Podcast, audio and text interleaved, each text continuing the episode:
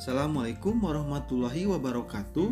Berjumpa kembali dalam pembahasan materi PKN hari ini bersama saya Aang Supriyatna. Pada pertemuan kali ini kita akan membahas mengenai materi seputar integrasi nasional dengan dua topik bahasan yaitu konsep integrasi nasional dan urgensi integrasi nasional. Konsep integrasi nasional Secara konsep bahasa, kata integrasi berasal dari bahasa Inggris yaitu integration yang berarti kesempurnaan, keseluruhan atau juga berarti penyatu paduan, penggabungan secara utuh dan menyeluruh. Integrasi nasional dapat didefinisikan sebagai suatu realitas dari seluruh entitas etnik yang ada dalam suatu bangsa serta dapat beradaptasi untuk bersatu dan bersikap konformitas terhadap kebudayaan mayoritas masyarakat, namun tetap masih mempertahankan kebudayaannya masing-masing. Howard Riggins mengemukakan bahwa integrasi nasional adalah penyatuan bagian yang berbeda-beda dari suatu masyarakat menjadi suatu keseluruhan atau kesatuan yang lebih utuh atau memadukan masyarakat-masyarakat kecil yang jumlahnya banyak menjadi kesatuan bangsa.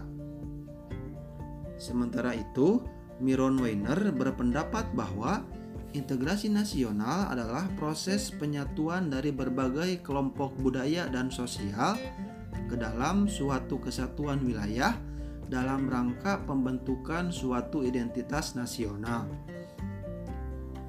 Integrasi nasional sangat penting bagi bangsa Indonesia yang multikultural. Hal ini didasarkan pada realitas kehidupan sosial budaya bangsa Indonesia yang memiliki aneka ragam kebudayaan. Urgensi identitas nasional. Adapun urgensi identitas nasional dapat kita cermati sebagai berikut. Pertama, integrasi nasional sebagai pengendalian terhadap konflik sosial, yaitu melalui prinsip-prinsip integritas nasional kita sebagai bangsa Indonesia harus dapat menerima perbedaan yang ada dalam berbagai keragaman sosial.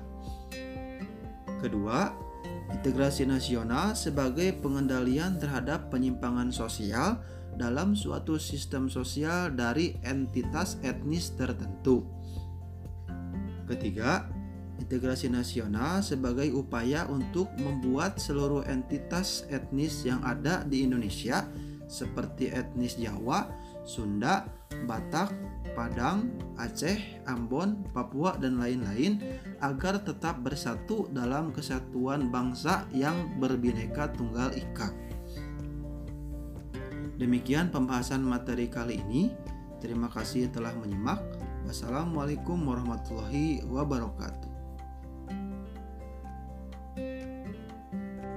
thank you